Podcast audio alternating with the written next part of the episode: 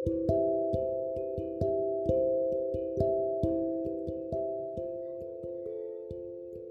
rasa sakit dan perjuangan, kamu gak akan punya kekuatan dan karakter. Tanpa orang-orang negatif, kamu mungkin tidak akan menghargai orang-orang positif di dalam hidup kamu. Tanpa penolakan atau perpisahan, kamu mungkin gak akan dibimbing ke suatu hal yang lebih baik tanpa seseorang yang mungkin pernah mengatakan kamu tidak bisa melakukannya, kamu mungkin gak akan punya motivasi buat melakukannya supaya kamu bisa.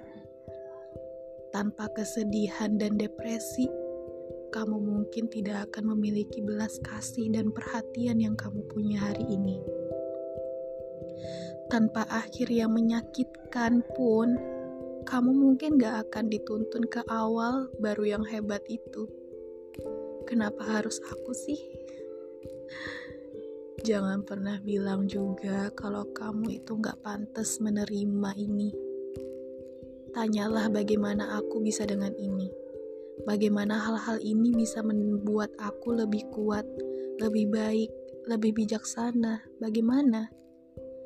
Gunakan rasa sakit dalam hidup kamu itu sebagai bahan bakar untuk membawa kamu ke mana pun kamu harus pergi.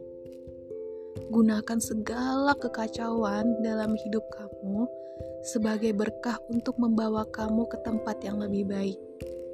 Harus punya keyakinan dan kepercayaan bahwa beberapa akhir itu dikirim untuk awal yang baru.